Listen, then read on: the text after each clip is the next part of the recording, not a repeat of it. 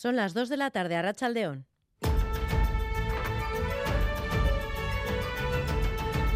Crónica de Euskadi con Irache Martínez. No, no necesitamos que digáis que condenáis. Cuando, cuando el GAL mataba, ya condenabais.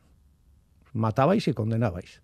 Eh, no necesitamos que hagáis aspamientos, no necesitamos que le pongáis calificativos. Lo que necesitamos es que reconozcáis, primero, de manera natural, que el Estado español está dispuesto a utilizar todos los medios para combatir el independentismo, legales o ilegales.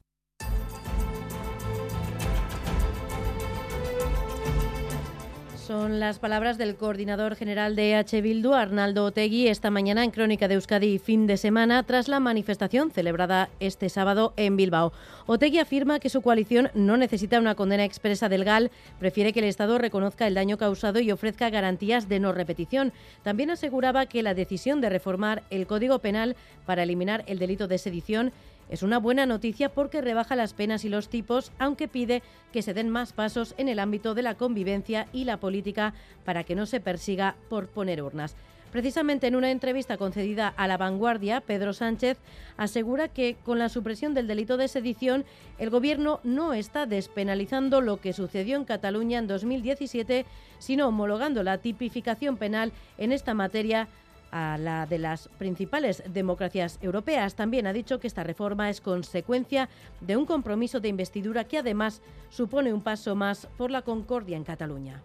No estamos despenalizando lo que sucedió en el año 2017, lo que estamos haciendo es homologar los castigos a las penas de otros códigos eh, penales que existen en las principales democracias europeas y hoy se cumplen 20 años del Mayday del Prestige. El barco eh, cargado con 77.000 toneladas de fuel lanzaba un aviso de alarma al Centro de Control de Salvamento Marítimo de Fisterra porque tenía una brecha en su casco. Seis días después y después de ser alejado de la costa, se parte en dos y provoca el mayor desastre ecológico de Europa de este siglo. Dos décadas después, en Galicia tampoco ha habido grandes actos por parte de la Junta, pero sí un homenaje a las y los voluntarios que ayudaron a limpiar el chapapote.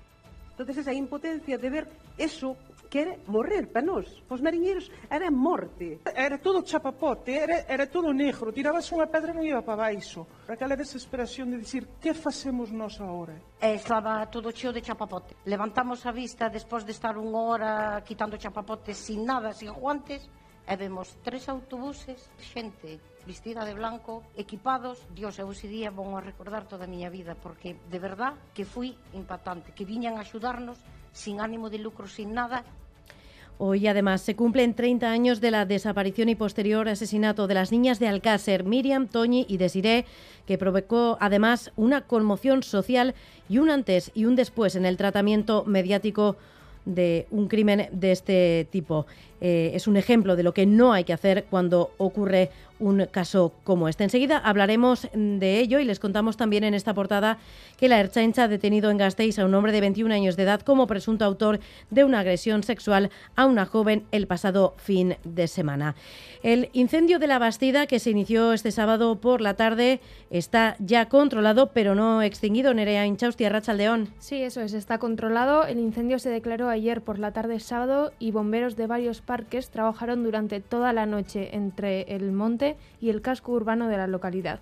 Las fuertes rachas de viento dificultaron el trabajo, pero a esta hora el incendio está controlado y perimetrado, aunque no extinguido. Esperan seguir esta noche con las labores de extinción.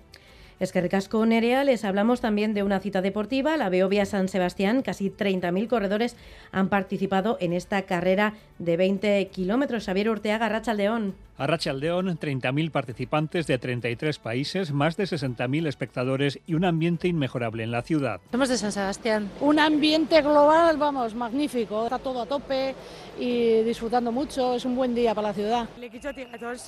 Da urtero urtero De Valencia. Pues llevamos ya, creo que esta es la quinta edición. Sí, es la primera vegada que venimos aquí a, a, a San Sebastián y a la Beovia. Cada participante tiene su propia historia ligada a esta carrera de 20 kilómetros. 34 Beovias, aquí al pie del cañón. En el año 87 vine por primera vez, corríamos 3.000 y pico. De Girona. Sí, el ambiente es único. Lo más positivo de todo es la, la gente, la buena energía de la gente y que desde que empiezas a que te terminas tienes eh, personas que te están animando. El ambiente de la ciudad en sí y este fin de semana ha acompañado el clima mediterráneo que venimos de Valencia.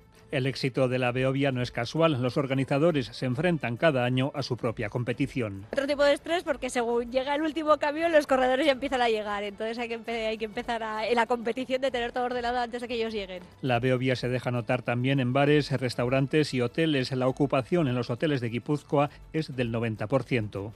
Una carrera que también ha sido retransmitida por la redacción de Deportes. John Zubieta, Rachaldeón. A Rachaldeón, pues precisamente vamos a recordar que en categoría masculina ha habido triunfo para Nan Oliveras y en mujeres Cristina Silva. Elena Silvestre ha sido tercera y Lasgar cuarto. Hablamos de Copa porque hace unos momentos el Eibar se ha impuesto a las Rozas por 0-3 con dos goles de Leschuk y Javi Muñoz. Hoy hay más competición liguera. La Real Sociedad se enfrenta al Cazalegas, el Alavés tiene cita en Lleida y el Athletic busca el pase en Alcira. También recordamos que Sestao, Arenas y Guernica consiguieron el pase, no así el Amorebieta y el Beasain. También pasó Osasuna, que cumplió los pronósticos y se deshizo, deshizo del Fuentes por 1-4 en un partido plácido. Y en pelota, después del triunfo de Salaverría ante Guigure en la final del 4 y medio de promoción, esta tarde el Ordi y Pello Echeverría buscarán la tercera plaza del torneo de la jaula de primera.